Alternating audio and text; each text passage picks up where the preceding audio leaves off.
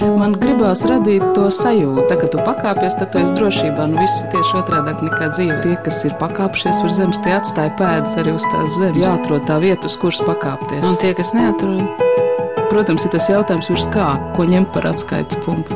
augstāk par zemi. Augstāk par zemi. Augstāk par zemi.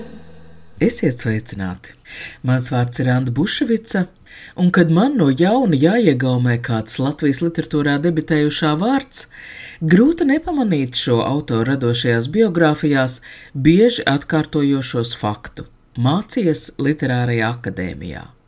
Lai gan pēc būtības Literārā akadēmija ir Latvijas Rakstnieku savienības un Literārās izglītības un jaunradas atbalsta centra kurēta kultūra izglītības programma, un tas nozīmē, ka ne jau visiem tās dalībniekiem ir mērķis, kurus noslēgumā kļūt par profesionālu rakstnieku, dzēnieku vai dramaturgu. Un tomēr Literārā akadēmija nākamgad svinēs savu 20 gadi, un ir pamanāmiem burtiem šai laikā ierakstījuši savu pastāvēšanu Latvijas literatūras kopainā.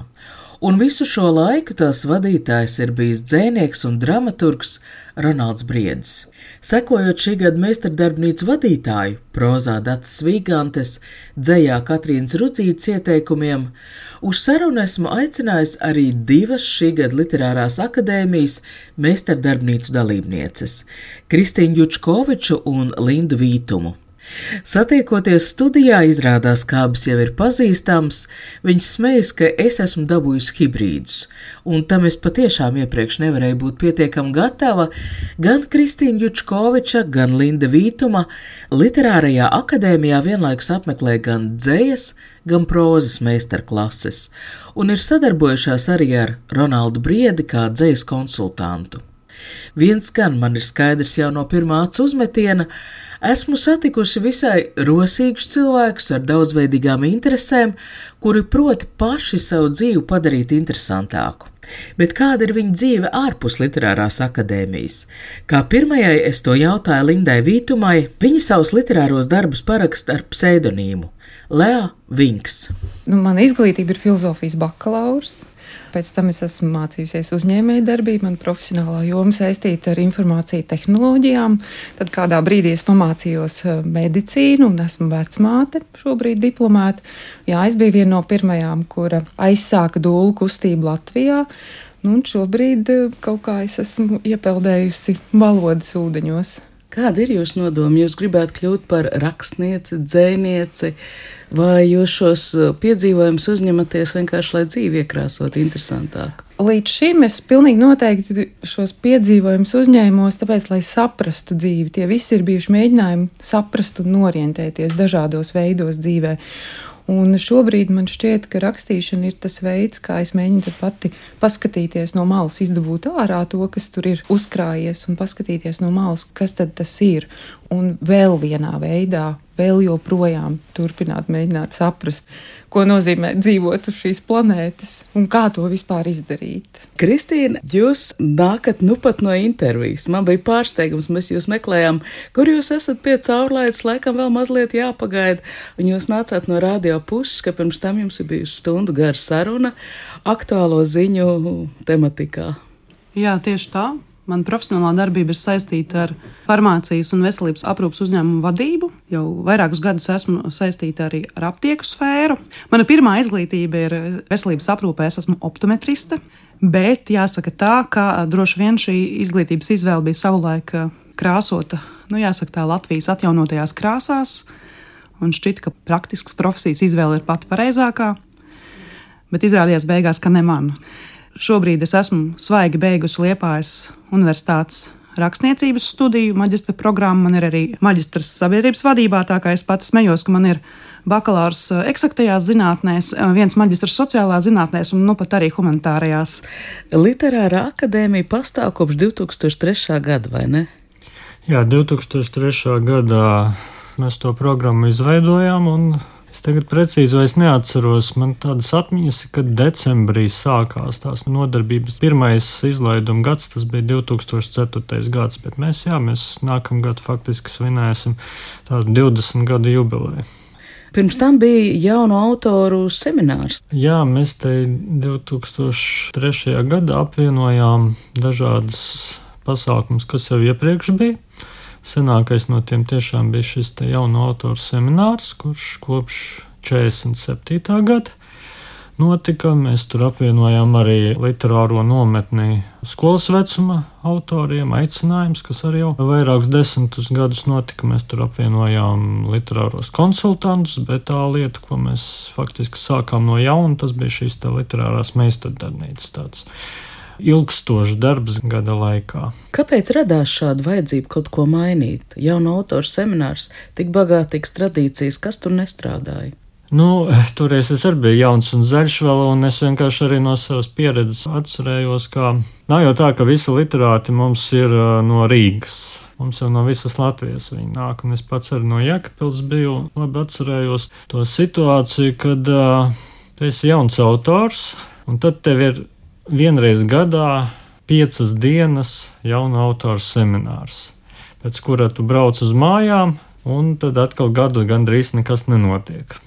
Toreiz arī nebija tā, ka 90. gados visi tur sociālajos tīklos būtu sēdējuši ar to internetu. Nemaz tā tur nebija. Mēs sarakstījāmies pa pastu. Un bija tā vajadzība pēc tādas komunikācijas, dzīvošanas savā vidē. Toreiz pastāvēja Rīgas jauno literātu apvienība. Uz to mēs tā regulāri braucām.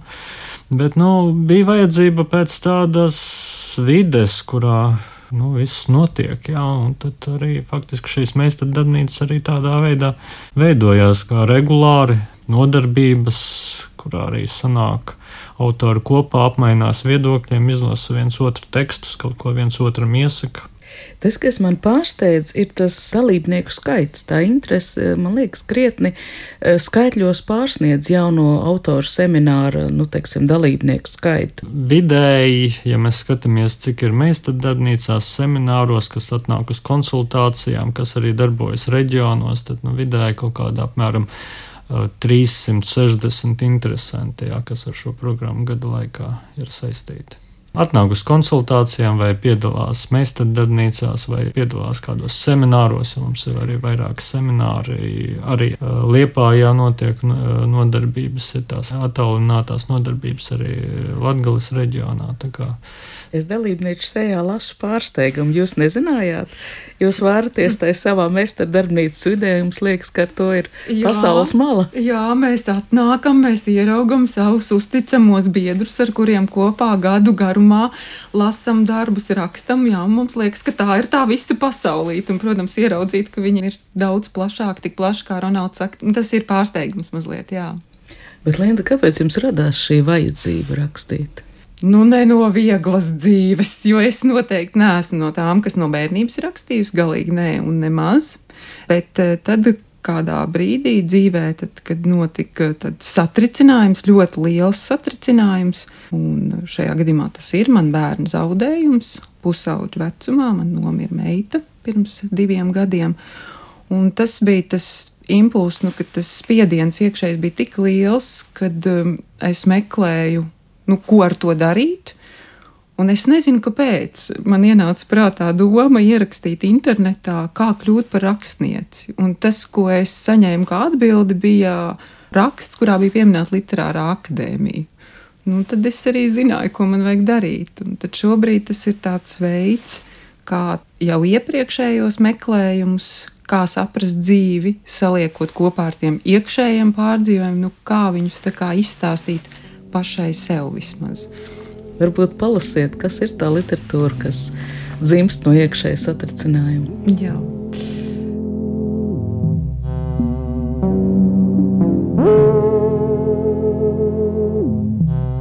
Ā, nē, Ulu sauc un māja ar rokām. Ā, nē, mēs spēlēsim spēli. Viņa nomet somas, apsēž senai pretī un pieliec ļoti tuvu. Āne atvāk degunu no deguna, kas ir tieši viņas deguna galā atvārīt olu.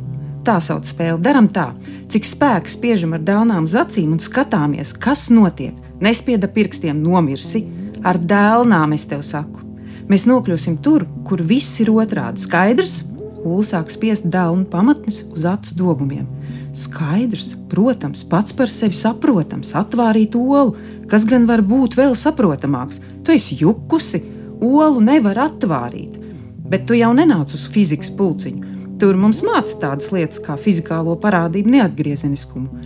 Anna piespiež plaukstus pie vaigiem un lēnām uzslidina uz acīm.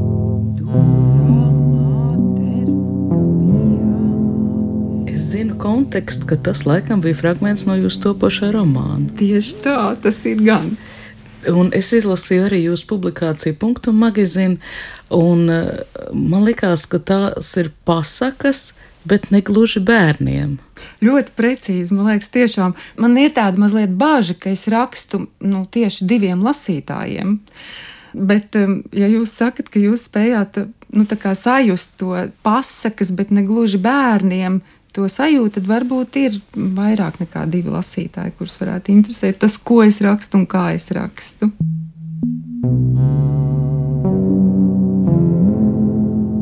Te ir kaut kāda gaiteņa, Antraušas kājās. Man arī, man arī, un durvis. Te ir kaut kādi uzraksti. Durā, māter, pijā, māter, Ane burto. Dura, dura, duram tik uz priekšu, Ulas meis un uzgrūž sanai.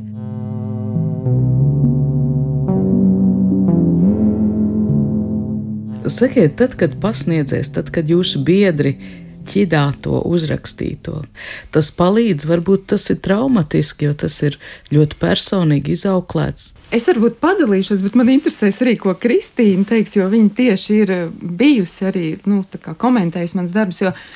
Man pašai liekas, tas ir tas visvērtīgākais process, gan dzējā, gan arī prozā, atdalīt to tekstu no sevis laukā un paskatīties. Tas ir tāds atdalīšanās process, ja? jo, ja tas ir iekšā, es ar to neko nevaru darīt, ar to visu pārdzīvojumu. Bet tajā brīdī, ja es viņu uzrakstu, pie tam, ja es viņu uzrakstu ar domu, ka tā būs literatūra, nevis vienkārši tāda vārdu plūsma, apziņas plūsma, kuras kaut kā izgāžu visu laukā, ja? Tad tas ir tas transformācijas process, ka patiesībā tajā brīdī, kad es rakstu, kad es klausos, kā citi to lasa, ka tajā brīdī tā pārmaiņa notiek manī un tekstā, un atpakaļ manī un atpakaļ tekstā. Tur es spēju piedzīvot arī to, ka ir vairāk kā skaidrs, ka mēs rakstam katrs eh, pats sev visvairāk. Ja? Un tad, ja izdodas uzrakstīt tā, lai arī vēl kāds cits var piedzīvot, nu, tas ir tāds pilnīgs brīnums. Nu, es varētu piebilst, kā cilvēks, kurš piedzīvojis jau savu romānu fragment ķidāšanu Literārajā akadēmijā pie Dācis Vīgantes, tiešām jāapzinās, ka šis darbs vairs nepieder tev. Jo tu esi rakstījis to ar savu izpratni par sev zināmām lietām pārsvarā, bet pārējiem jau nav redzams tavas zināšanas, un pārējiem nav tavas izpratnes, un viņiem ir sava. Un eh, es esmu jau nonākusi nākamajā fermentācijas posmā, tad es esmu piedzīvojusi pārējot savu kolēģu Nu, es varētu to pat nosaukt par uzbrukumu tavam tekstam, šai tavai klintī, ko tu domā, es esmu pietiekami stipru. Esmu jau nonākusi nākamajā posmā, kā esmu palabojusi savu romānu un parādījusi arī mūsu kuratorai Dacei. Un, uh, esmu saņēmusi īziņu, ko tu ar to romānu esi izdarījusi. Tas jau lasās pavisam citādi. Tas nozīmē arī vienkārši šīs literārās akadēmijas jēgu, nozīmi, ka varbūt pat kaut veicot tikai nedaudz nelielas izmaiņas, jo tekstam atdaloties no tevis un palaižot to pasaulē, tas kļūst mazliet citāds, un tu jau arī pats vari paskatīties daudz atsvešinātāk uz to. Un šī gadījumā, manuprāt, tas ir ļoti, ļoti labi un ļoti vērtīgi tieši arī pašam tekstam. Jūs tagad gribētu palasīt dzēju vai prózu?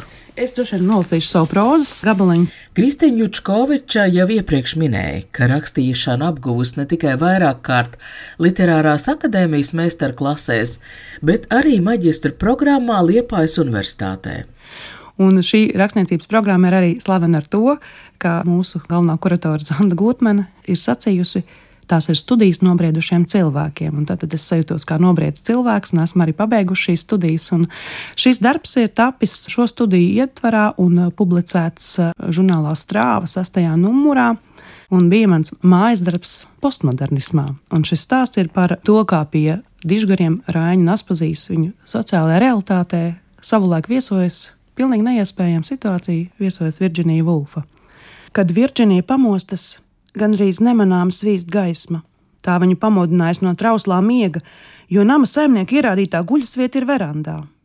Gaismas strēle cauri uz galdiņu uzliktajām sinepju dzeltenajām rozēm izskatās neglābjami skumja. Aizkari ir caurspīdīgi un nedaudz plandās vējā, logi nav labi aizdrīvēti. Turklāt tā smaka. Smird tik briesmīgi, ka Virģīnija varētu apzvērēt smirdoņu nāk no mājas iekšienes, ne jūras vai upes. Viņa bija piekritusi atbraukt šurp, jo Aspazīts rakstītās vēstules bija tik kairas, saldkaislas. Viņa nebija kavējusies šai sākotnēji svešiniecei atklāt savas pašas svētākās izjūtas. Savu kaisli pēc citādā, aizraujošā, brīvā.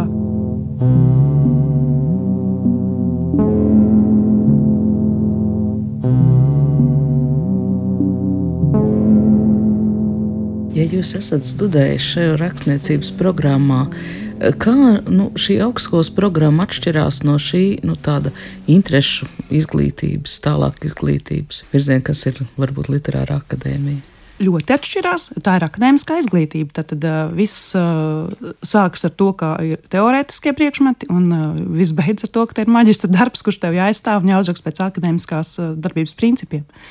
Bet uh, kaut kādā ziņā jāsaka, tas ir viens otru papildinoši. Jo um, brīdī, kad tu mācies uh, šajā programmā, tev vairāk ir tomēr savs uh, prāts jāizņem ar to, kāda ir tava mācību priekšmeta, un mazāk tomēr šo radošo darbību. Tā radošā darbība ir mazliet cits stāsts, cits fokus. Jāsaka tā, bet nu, ļoti viens otru papildinoši un arī jāsaka personību izmainošs pozitīvā ziņā, protams.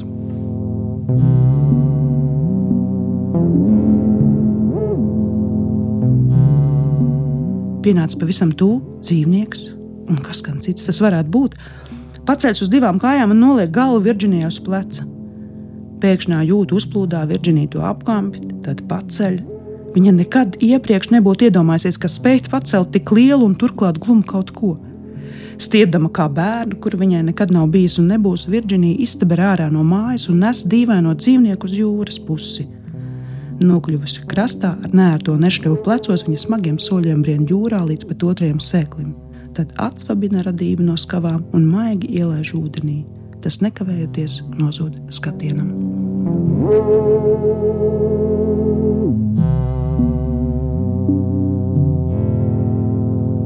Kas tad ir tas, ar ko nodarbojas meistardarbnīcas pasniedzēji, dzīs vai prozas konsultanti?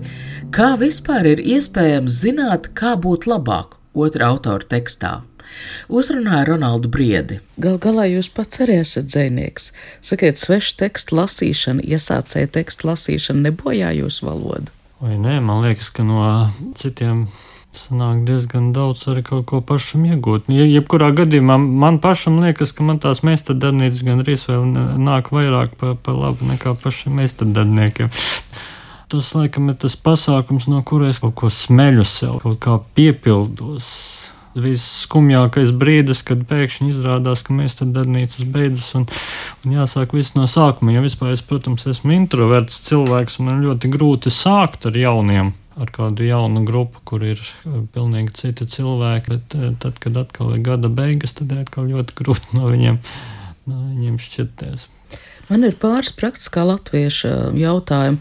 Es gribu tos noskaidrot, jo es pieņemu, ka klausītājs, kurš klausās šo sarunu, kuram varbūt ir nodoma, ka viņa dzīvē pietrūks tikai šī akadēmija, ir pāris lietas, ko es gribu saprast. Kurš maksā par šīm studijām? Tā ir uh, kultūras ministrijas atbalstīta programma. Mēs tad darbnīcā ir četras grupas. Tas nozīmē, ka divas ir šādas uh, konkursu kārtībā uzņemamās grupas, un ir divas grupas, kurās var pieteikties uh, jebkurš interesants. Vēl mums ir semināri, mums ir konsultanti, kas ir arī kultūras ministrijas atbalstīti. Tā kā pamatā tas finansējums nāk no kultūras ministrijas. Tā tad ir dzējas, prozas darbnīca, drāmas darbnīca. Ir arī dramaturģijas darbnīca, kas noris ar biedrību darbnīcas kopdarbā. Jā, tātad tas ir Laura Gundara īsie intensīvās dramaturģijas kurs, kā viņš viņus sauc. Kādreiz bija tulkotājiem šķieta darbnīca. Tulkotājiem mums nav atsevišķi, bet mums ir dzējas meistardarbnīca ar mums ir piemēram atzeja Tagad uh, jau te dalībnieki jau sāk smīnēt, proti, viņiem tagad ir nākamais uzdevums tieši ar atzīju strādāt. Tā kā šo procesu mēs arī nedaudz skaram. Informāciju par literārās akadēmijas aktualitātēm var iegūt internetā mājaslapā rakstu.lv. Tur es lasu arī uzsaukumu autoriem, kur Latvijā raksta dzēju, prózu vai lugas Baltkrievu, Krievu, Poļu, Ukrāņu valodās. Matris Lingua kuru kūrē Sergejs Moreino un Viela Ganovska. Jautāja, vai Literārā akadēmija var piedāvāt konsultantus iepriekš minētajās valodās? Tas ir tāds drīzāk starpvalodu Tur faktiski drīzāk ir jārunā ar pašu Sergeju, jā, kā viņi organizē šo pasākumu, bet jā, nu, vairāk balstīts uz kaut kādu valodu dialogu. Ko konsultants var palīdzēt eh, jaunajam autoram? Ja runā tieši par meistardarbnīcas vadītāju, tad attiecīgi paskatīties uz to procesu no viņa pieredzes punkta. Tāpēc mums ir piemēram šajā meistardarbnīcā, kurā var pieteikties caur konkursu. Tur mums katru gadu mainās meistardarbnīcas vadītājs. Tas nozīmē, ka viens un tas pats dalībnieks var, teiksim, vienu gadu apmeklēt, paskatīties, kā strādā viens autors, nākamo gadu citu pieeju un tādā veidā no katra kaut ko sev gūt. Protams, pats galvenais, manuprāt, arī kas ir tas centrālais meistardarbnīcā, tas ir ne tik daudz, varbūt arī pat, pats tas vadītājs, kurš arī var norādīt uz kaut kādiem grābekļiem un otrreizē izgudrojumiem ritiņiem. Laika gaitā pie kā autors arī varētu nonākt, bet varbūt no šāds gads viņam tur nedaudz saīsina šo procesu. Bet pats galvenais, manuprāt, tomēr ir tas, ka tu ieraugi to savu tekstu ar citu acīm no ļoti daudz dalībnieku redzes viedokļa. Ja? Tāpēc arī šī meistardarbnīca, tāpēc ir grupa. Tas vadītājs varbūt tikai to procesu koordinē, bet tas galvenais ir, ka tu ieraugi tekstu ar cita lasītāja acīm. Un ja, tev ir daudzi lasītāji, kuri paši ir arī rakstītāji, līdz ar to viņi arī paši zina, kā tas notiek, un tad viņi dalās savstarpējā pieredzē un savstarpējā skatījumā uz šo tekstu. Ronalds Briedis izstāsta, ka interesants ir bijis Literārās akadēmijas pandēmijas gads, kad pieteikušies dalībnieki pat no Meksikas. Arī šobrīd Linda Vītuma uz meistardarbnīcām brauc no Siguldas, ir dalībnieks, kurš mēro ceļu no Tallinas, bet man interesē vēl kāds jautājums. Kāpēc manas sarunbiedrs apmeklē gan dzējas, gan prozas meistardarbnīcas? Turpina Linda Vītuma. Patiesībā man tas pirmais impulss bija nevis proza un nevis dzēja, bet atzēja. Man viss pats sākums bija Emīlija Dikinsona, bija viena pastaiga pa mežu, ne ar Emīliju Dikinsonu, bet viņa bija klātesoša, acīm redzam. Un mēs eh, pārunājām ar mani pastaigas dalībnieci vienu dzējoli, tas ir par āboliņu un biti, un viņa stāstīja, kas nu tur viss ir pietiekams, ja to bišu ir par maz. Un tas man bija tāds satricinājums, jo man likās, ja bites ir par maz, tad vienkārši pasaule sabrūk. Un es gāju meklēt, kas ir Emīlija Dikinsona, un es viņu atradu, un es viņu sāku atzējot. Vienkārši pati savā nodabā kaut kā kūlos cauri. Un tad, kad nu, bija tas impulss par rakstniecību, un tā bija prozijā, kur aizgāja, tad tomēr es sapratu, ka kaut ko es gribu ar to atzīvi darīt, un pieteicos, un tikai atzīves dēļ pieteicos, nokļuvu pie Ronalda. Un tad Ronalds lika rakstīt dzējoļus. Jo viņš teica, nu, ka pat atzījotājiem tomēr nu, jāsaprot no iekšpuses, kā tā dzēja dzīvo. Un es ar ļoti gariem zobiem, bet Ronalds ir, viņš tā kā ievilināja man iekšā tajā dzējā. Man arī grūti iet, man lēni tā dzēja pielec. Bet es piekrītu pilnīgi noteikti Ronaldam, ka tas ir tāds arī nu, kā ar citām acīm vispār var paskatīties uz to tekstu un ieraudzīt to valodu. Viņa dzīvo citādāk, prozā un dzējā. Viņām ir cits raksturs. Es arī piedalījos Laura Gundara kursos par dramaturgiju, un dramaturgija vispār dzīvo vēl citādāk. Viņa to valodu pielieto ļoti praktiski. Katra šī pasaule, dzējas, prozas, dramaturgijas un noteikti vēl ir visi pārējās, arī atzējas, ja, piemēram, man likās brīnišķīgi atzēja kā tāda valodas kontrabanda patiesībā, ja, kur mēs mēģinam no vienas valodas kaut kādā veidā šmugulējot iedabūt otrā valodā. Ja, viņa tāda valodas kontrabanda, jūs sākumā jautājāt, kas es gribētu būt vai kļūt rakstniece. Man pašai likās, jā, ka es noteikti gribu rakstīt prózu, bet es noteikti gribu nodarboties ar šo dzīslu kontrabandu. Ja. Un, jā, man šķiet, ka eh, piedzīvot šīs atšķirīgās valodu pasaules ir tas, kas ļauj ieraudzīt, cik krāsaina pasaule ir. Jums priekšā ir dzējols. Patiesībā ir divi dzējoļi. Un vienu es noteikti gribu nolasīt, un tas ir veltījums Amandai Aizpurietei. Es piedalījos dzīslu ruporā, mēs kopā ar Kristīnu piedalījāmies dzīslu ruporā. Tas ir tāds piedzīvojums dzīslu dienu ietverā, kur katru dienu raksta vienu dzīslu.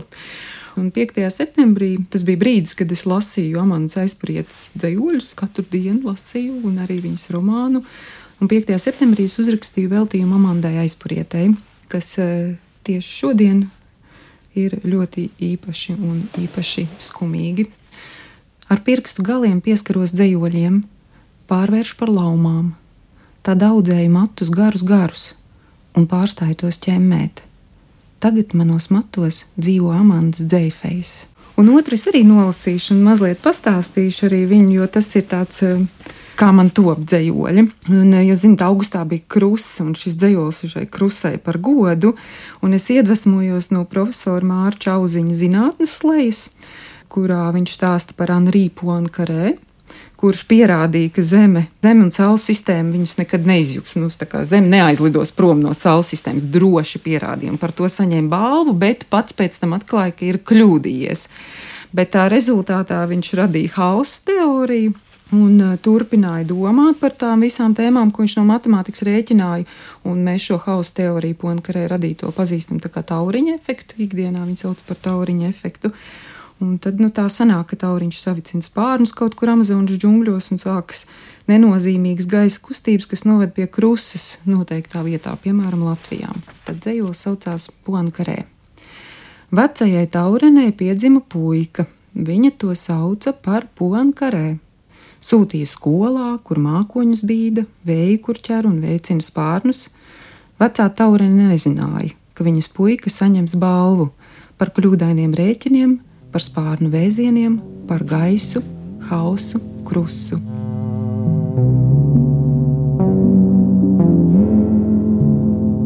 Es piedalos eh, literārās akadēmijās katru sestdienu. Viena tā ir uh, dzējas, un otra tā ir prozas. Es teiktu, tā, man šis tāds baudas process ir. Tad dzējā, protams, ir nedaudz cits. Šīs fermentācijas process dzējā, manuprāt, tomēr ir jāveido kaut kāda tāda iekštelpa, kurā tu esi, un tad eh, šis dzējols nāk. Prozā varbūt nedaudz tuvāk šai sociālajam realismam, šai dzīvei, kāda ir.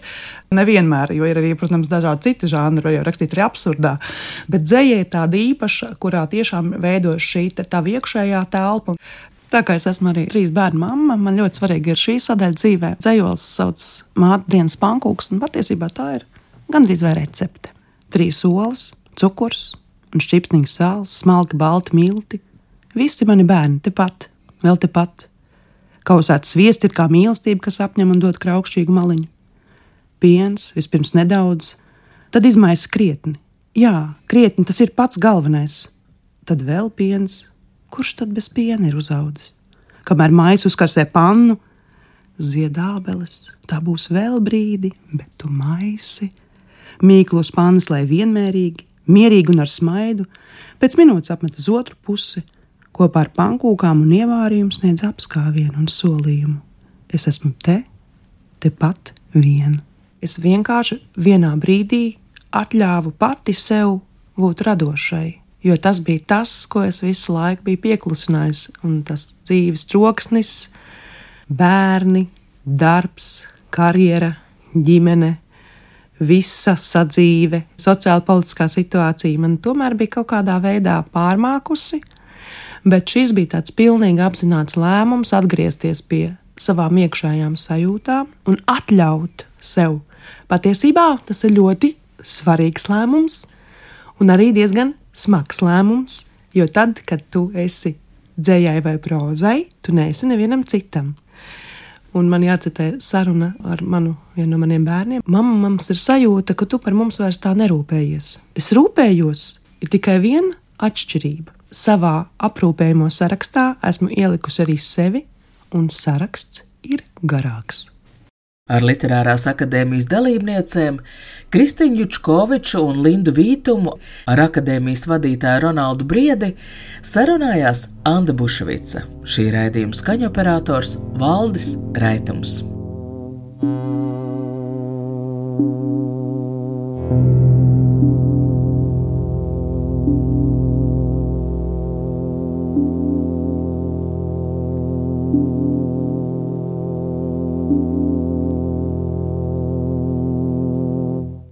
Tā kā tu pakāpies, tad tu esi drošībā. Nu, viss ir tieši otrādi nekā dzīve. Tas ir tā spēle, jā. Tie, kas ir pakāpšies virs zemes, tie atstāja pēdas arī uz tās zemes. Protams, ir tas jautājums, ko ņemt par atskaites punktu. Nē, nu, principā ir skaidrs, augstāk par zemi. Jāatrod tā vieta, uz kuras pakāpties. Augstāk par zemi. Augstāk par zemi. Augstāk par zemi.